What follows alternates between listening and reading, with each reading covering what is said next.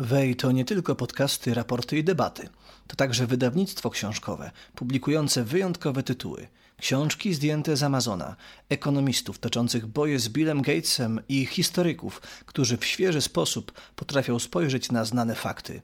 www.wydawnictwo.wej.org.pl Hi, I'm Sebastian Stadolak and this is Through Bestia's Eye.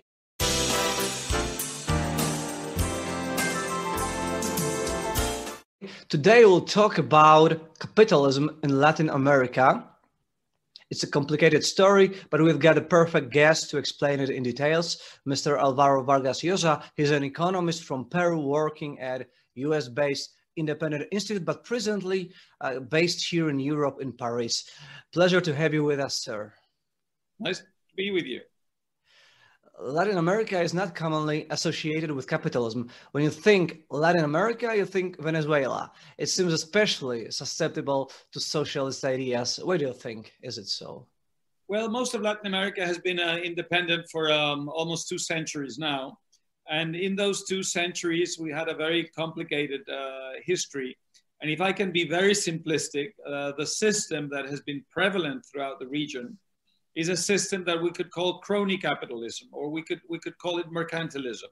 In other words, not a competitive, um, open, free market system, uh, but a very closed system, a very corrupt system, and a system in which privilege was the dominant feature. Now we have, um, of course, within that broad framework, we have um, all sorts of different varieties um, uh, including the one you, you have mentioned, which is authoritarian populism, dictatorial populism. And that's one of the um, many, many uh, different types of um, undemocratic, illiberal systems that we've had and that we continue to have today. But that's only, I would say, uh, an extreme version of something that's been prevalent in Latin America. Authoritarianism, from a political point of view, from an economic point of view, a, a system that was not really um, competitive, that was not uh, free, in which it was very difficult for those who were not part of a, um, a coterie of um, connections to improve their uh, lot and to and to make progress. So uh, that doesn't mean that they have not there have not been some exceptions. Of course, there have been, but generally speaking, and if I can be a little simplistic, that's been the system throughout uh, almost two centuries. But yet, back in the day, um, in some of Latin America economies, we had a pretty free market. Uh, first of all, Argentina, by the end of 19th century, it was almost laissez-faireistic. Um, the already mentioned Venezuela was pretty uh, free market too when they built their um, richness back in the day around 30s or 40s. So when they were free, they were rich. What did go, go wrong? Can we blame populism for this, you know, Peronism or Chavism for this downward spiral that has been created in Latin America? Yes, you've mentioned uh, some of the few exceptions. Yes, Argentina in the 19th century, in the second half of the 19th century, even at the beginning of the 20th century. Uh, Uruguay is a much less known uh, example, but it was uh, just as successful as Argentina at the end of the 19th and the early 20th century. Mm-hmm. Um, and I would say, well, Chile, of course, um, in, uh, in, the, in the last um, you know, 25, 30 years, has been a very, very successful uh, uh, democracy. But all of these cases, of course, um, need to be nuanced in the sense that um, they did not last very long, or if they did last for a few decades, um, they did not have within them the, I would say, the kind of structure needed for a more, a more permanent type of um, mm-hmm. uh, it would be, of course, uh, uh, it would take a long time. It would be complicated to go uh, into any kind of detail um, in all of these cases. But I would say that in all of those cases, the fact that um, that populism at one point um, began to emerge with a lot of uh, strength within certain circles, uh, first academic and intellectual, and, and, and then beyond that, uh, meant that those uh, systems were going to be challenged, and they were challenged, and they were challenged um, in, a, in a very successful way. In the case of Argentina, yes, Peronism had a lot to do with this. Populism emerged before Peronism in Argentina. You could already trace it back to the, I, I think you could trace it back to the end of the 20s and early 30s. In other words, in the midst of the Great Depression. Um, and in, in uh, other parts of Latin America, you had uh, populism too, like in Brazil uh, before the 40s. Uh, but in Argentina, I think populism in the 40s with Peronism reached a, a kind of heyday. And that mm-hmm. Uh, had a lot of influence, not only within Argentina, but also beyond Argentina throughout the region. Uh, in Chile, more recently, in, in the early 21st century, we've seen the emergence of a very ideological left, a, a very committed uh, left, um, and a, a, I would say, a descent into populism among some of the thinking classes, uh, so to speak, uh, mostly academic circles um, and, and, and political circles. And then that has spread throughout some parts of society, which means that today, despite Chile being by far the most successful country in the region, uh, its uh, success or the reasons and causes uh, of its success are being questioned very frontally. And, and we are in the process now in, in, in, in Latin America of, I think, um, um, uh, seeing Chile uh, slowly and gradually move away from the system we've had. What kind of system they're going to adopt in the near future, we don't know. That's an open question and it may not, not be as bad as some people fear, but clearly they're moving uh, gradually away from what they had. Well, when we think of uh, the type uh, of economic structure that a specific society supports or implements, um, we think also about cultural conditions or some cultural heritage. So, um, isn't there something um, peculiar about uh, Latin American societies that gives that makes them support interventionists or socialist ideas that are you know damaging their own well-being but anyway they support it something in the culture when you read books written by uh, latin american authors most of them i mean you know uh, fiction, most of them are supporting those kind of non-market socialist ideas, with your father being an honorable exception to this rule. So why, why is there something cultural also, or is this over interpretation from my side? I think there's always a mixture of the institutional and the cultural. Um, exactly in what uh, doses or degrees that's always a debatable question, but uh, clearly culture is part of it. Uh, remember, Latin America comes from um, a, a, very old history of interventionism, authoritarianism, and privilege. Uh, first, there were three centuries of colonial rule by Spain. Um, the kind of uh, system that ruled over Latin America during the colonial years was a very mercantilistic and very closed system, a system based on, on uh, monopolies. And um, uh, it was, and when I, when I say monopolies, I mean politically sanctioned monopolies. And clearly that had an impact uh, on the early uh, days of the Republic, in the early 19th uh, century, in most cases in Latin America. And then throughout the 19th century, that authoritarian, mercantilistic um, legacy uh, influenced uh, both conservatives and liberals who were permanently fighting each other. And by fighting, I mean um, really fighting, fighting wars and civil wars uh, most of the time. And you had um, uh, strong men, uh, caudillos, um, taking uh, over from each other from one time to the next. and whether they were called conservatives or liberals, essentially, uh, with some notable exceptions in the case of the liberals. Essentially, they embodied the same kind of system, the only difference being that Spain was no longer the colonial power, um, the the uh, countries being uh, at the time um, independent. But that was the system that was prevalent. Then we never overcame that that legacy, even as as far as the 20th century. You can always see with even with modernity and technology and globalization, you could still see those roots um, playing a very significant role in the in the structure of those societies. So I think that's a, that kind of legacy has um, been kind of mixed up or intertwined with um, cultural factors, uh, the world of ideas, the world of incentives. Uh, all of that has has very much um, created its own legacy um, in, in terms of the kinds of ideas that we've been mm-hmm. uh, passing on to the, the next generation. Um, so I, I, think that uh, both both institutional and cultural factors have played a mm-hmm. very significant role.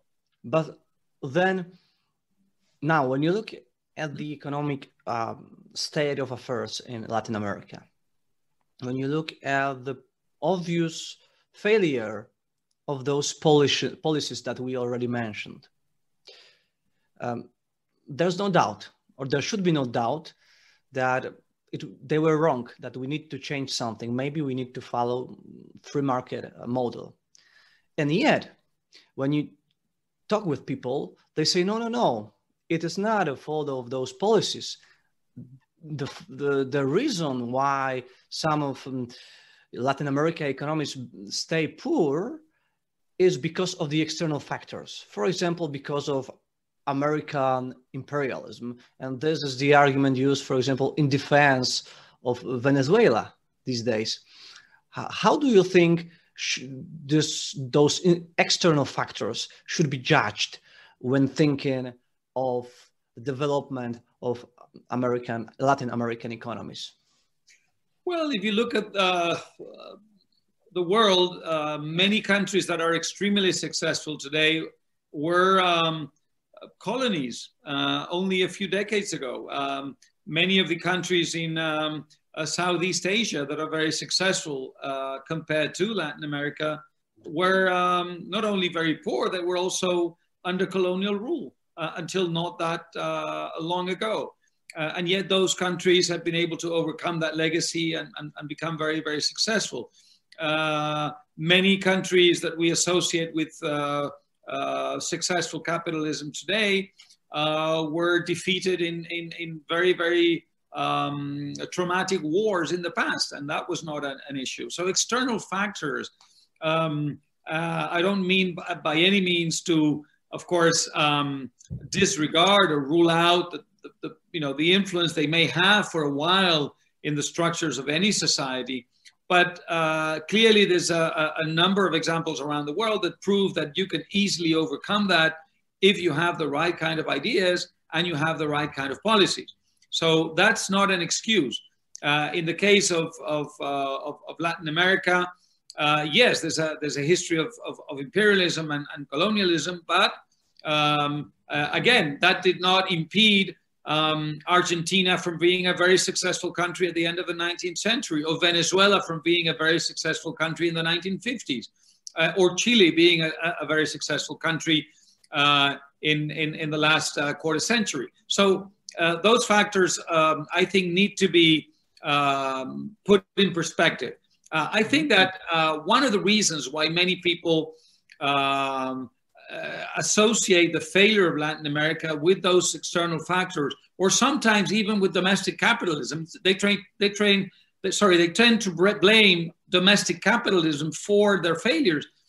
Uh, this has a lot to do with the kind of system we've had. We've had crony capitalism. We, have had a system in which, uh, with some exceptions, obviously Cuba and increasingly Venezuela, but um, um, we've had a, a systems in which yes, there was there was private property. Yes, most of the means of production were in the hands of uh, private entrepreneurs um, and not of the state.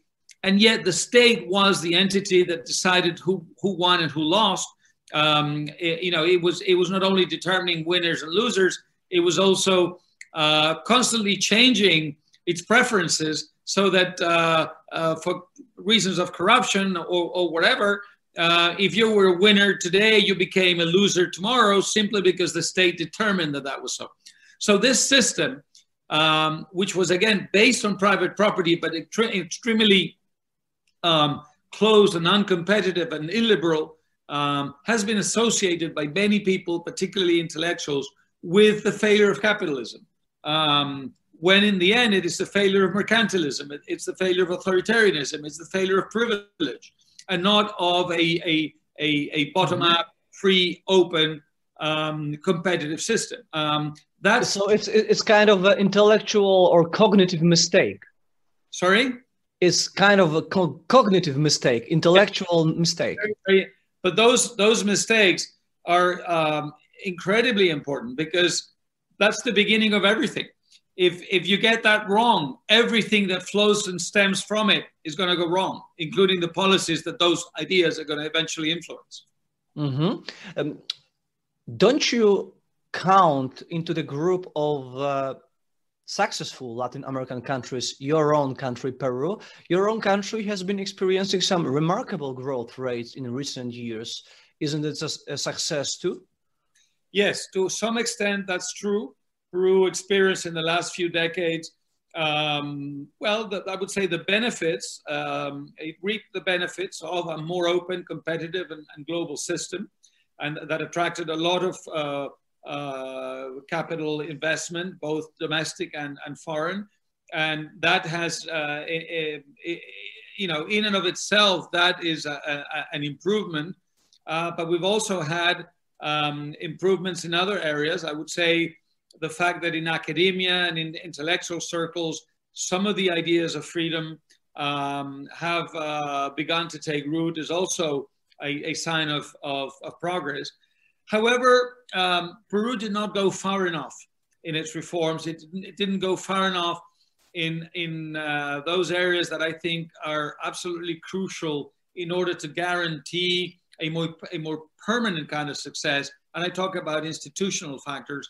And the fact that that is so has, me, has meant that there's a certain fragility to Peru's success um, that we're now beginning to understand. We're going through a very difficult period now, a lot of political instability. The political parties um, are, are uh, all bending towards populism. Uh, they're all extremely corrupt and extremely fragile and, and, and not representative of society. And we have a civil society that is still trying to find its form. Uh, it's there. Uh, it's, it, it is much more successful when it needs to confront uh, a danger uh, than it need when, when it needs to construct and to build institutions.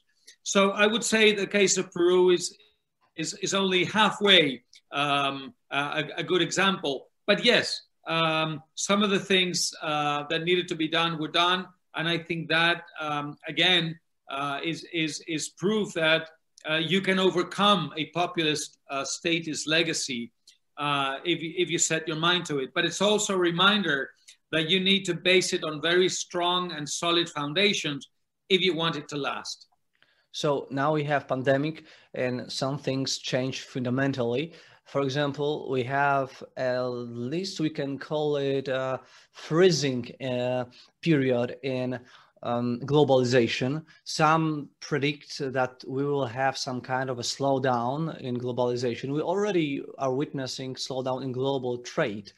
So basically, globalization was this motor or the major factor behind um, countries, um, emerging countries, uh, being able to uh, develop fast, um, with China being the most uh, um, outstanding example of that. so, uh, how do you predict uh, the future of Latin America? Uh, what kind of an impact will have pandemic have on Latin America economy's um, growth? I'm not worried about the immediate consequences um, of, of the pandemic.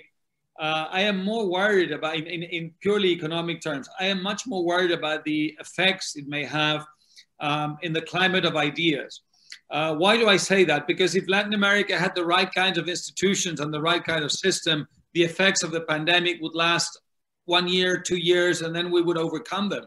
Uh, the problem is that the pandemic has um, uh, created a, a, a, climate of ideas that can be, I, I would say, um, deleterious, uh, uh, poisonous uh, for the cause of freedom. Many people think that the pandemic uh, or the failure of the state uh, in confronting the pandemic successfully is uh, not the um, responsibility of, of, the state, but the responsibility of capitalism in the sense that capitalism prevented the state from having the tools it needed to confront the pandemic successfully. Uh, and if you believe that, then what you're going to do, obviously, is you're going to strengthen a system that uh, is, uh, well, that I have described before, that is very close and that is very authoritarian and very vertical. So I think that, that the um, effects of the pandemic in the climate of ideas are, are to be feared uh, even more than the long, mm-hmm. short term economic effects because the short term economic effects, if we had the right ideas, would be exactly that short term. If we were to imagine a scenario in which uh, we will have positive developments um, in, in, the context of uh, ideas uh, you just described, um, would this positive development come from bottom up or maybe it should be somehow induced by so-called international institutions like International Monetary Fund. Fund. Um, I read a lot of stories in which International Monetary Fund played a role, of the villain in the context of Latin America. For example, uh, when they were advising uh, in some countries in times of crisis what to do, they were advising to raise taxes and cut spending at the same time. Well, cut spending okay, it's always a good idea, but raise taxes when you want the economy to prosper in the long term, you'd have uh, to have your citizens being able to use their money as they please. So actually, basically, uh, the question is where this positive impulse for the ideas could come from. Uh, from the inside of, of a specific country or from the outside as kind of an import I think it's it's it's a mix. Um, you know, in the in the uh, I would say in the early 1990s, um, the ideas of, of, of freedom and liberty uh, began to take root in Latin America, and and in many cases that was because of what was happening in Eastern Europe and Central Europe, uh, and of what was happening globally. So there was an external influence, no doubt, but um, those ideas wouldn't have caught fire, as it were if there hadn't been domestic uh, actors involved, uh, mm, intellectuals, academics, uh, political parties, uh, journalists, many um, media outlets. Um, so it's always going to be a, a combination of the two. In the case of the International Monetary Fund, uh, yes, I think you, you, are, you are correct.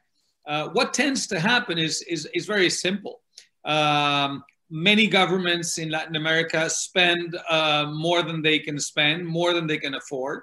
Uh, once they run into uh, financial trouble, they call the International Monetary Fund. The International Monetary Fund will lend you money in exchange for um, adopting certain policies. And the International Monetary Fund is not known for um, defending uh, the ideas of liberty. It's known simply uh, for, for, for, for trying to bring um, a bit of sanity into the states or the government's finances. And the way it does is exactly the way it does that is exactly what you described: raise taxes and, and maybe cut a bit of spending, but essentially raise taxes. Uh, and that, of course, is the worst um, thing you can do in a, in a situation like that. But it's also bad from an intellectual point of view, because if people associate free markets and people tend to associate, again, it's a cognitive mistake uh, if people tend to associate the International Monetary Fund with the spread of free market capitalism around the world. So if you associate uh, that idea with uh, raising taxes and making uh, the people's life very miserable in the short term, um, you know, uh, you're going to be doing a very a great disservice uh, to the cause of freedom. So I think the last thing we want, uh, those of us who defend freedom, the last thing we want is people in Latin America and elsewhere in the emerging world to associate our ideas with institutions such as the International Monetary Fund, whose involvement, again, uh, is owed essentially to the irresponsibility, the fiscal mm-hmm. irresponsibility of some of these governments. Um, let me ask you also about your personal story. Uh, I'm sure you would call yourself classical liberal. Am I correct? Yes. Uh, so your in, father, in, your fa- uh, yeah. Uh, in Spanish, the good thing about uh, the word liberal is that we don't need um, to to qualify. We don't need to say classical liberal. You just say liberal in Spanish, and same in Poland. Same in Poland. But for for example, American audience, it's different thing. Yeah. So uh, your father, Mario. Um, world famous writer is also known as a supporter of economic freedom he even uh, took part in presidential election um, some years ago i guess it was 1990 um, presenting or with those uh, uh, ideas uh, in mind. Um, so my question is, did you convince him to liberal ideas or did he convince you? Well, it's, it's an interesting process. You, you, you probably know he was a socialist uh, for many years and he gradually uh, evolved into well I, I wouldn't say he went straight from socialism to liberalism it was an evolution he went from socialism to to being a Democrat, uh, not not a not a, a, Democrat in the sense of the Democratic Party in the U.S. I mean, a, a, Democrat, somebody who defended democracy, and then he went on to adopt the ideas of, of freedom after he read people like Hayek and people like uh, Revel and people like uh, um, uh, you know, Mises, of course, and uh, even some uh, liberals in the Spanish-speaking world. I think that was more of an evolution um, in my case, um, I didn't go through a socialist period, although I did go through a, a rebellious period. And I worked for a, at a very, very early age, I worked for a liberal newspaper. And I, uh, because I had this very rebellious nature, I used to write editorials that ran against uh, the, the editorial line of the paper. Um, and, and so uh, you will find some uh, articles uh, at a very early age, in my case, uh, that went against some of the ideas that I espouse today. But generally speaking, I was a liberal from a very early age. Uh, I would say uh, we both, uh, in the in the late 80s, we both uh, adopted the ideas of, of, of, of freedom uh, almost simultaneously. We um, were very influenced um, at the time by Margaret Thatcher. We both spent some time in, in England. In my case, I went to school for, for a few years in England and, and um, I did my university uh, in, in, in, England. Um, and he lived in England for a while. And so we had the chance to witness Margaret Thatcher's reforms um, uh, from, from, uh, from London. and that was, uh, I think, a, a transformative experience um, in terms of, of, of our ideas. Um, so I think it was a, you know, uh, simply because of his slow evolution and, and, and, and, and the age difference, it was almost a simultaneous affair. And we both became very passionate about this in the second half of the 80s.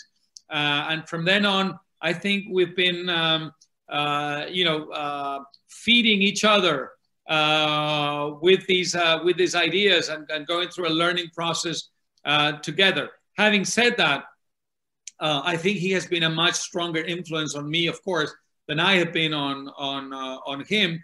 Because even though his um, um, liberal ideas came to him um, kind of late in the game, as, as it were, or at least later than in my case, uh, he was already in many ways a, a libertarian before he knew it. If you read some of the things he wrote when he was a socialist, you could see how uncomfortable he was uh, with the countries that at the time uh, stood for socialism and with the ideas that stood for socialism uh, and with the intellectuals that defended socialism. And his kind of socialism always had a libertarian element that um, uh, when you read those texts uh, become very evident and very obvious today and in a way establish a line of continuity between what he was defending um, and, and espousing then and we, what he defends today even though at the time he was supposedly defending only socialism and today he's defending liberalism. By the way, do you write some fiction? No, I don't. I, I wrote a few short stories when I was a, I was a, a young kid, but no, I was attracted to uh, to nonfiction, both uh, through journalism and through uh, uh, essays and pamphlets um, from a very early age. And that's what I've been doing for, for, for a long time. And giving a lot of speeches. I do that a, uh, a lot as well. Mm-hmm. Thank you very much for your time and for this wonderful interview. And have a nice day in Paris. Thank you. Same to you. Thank you. Okay.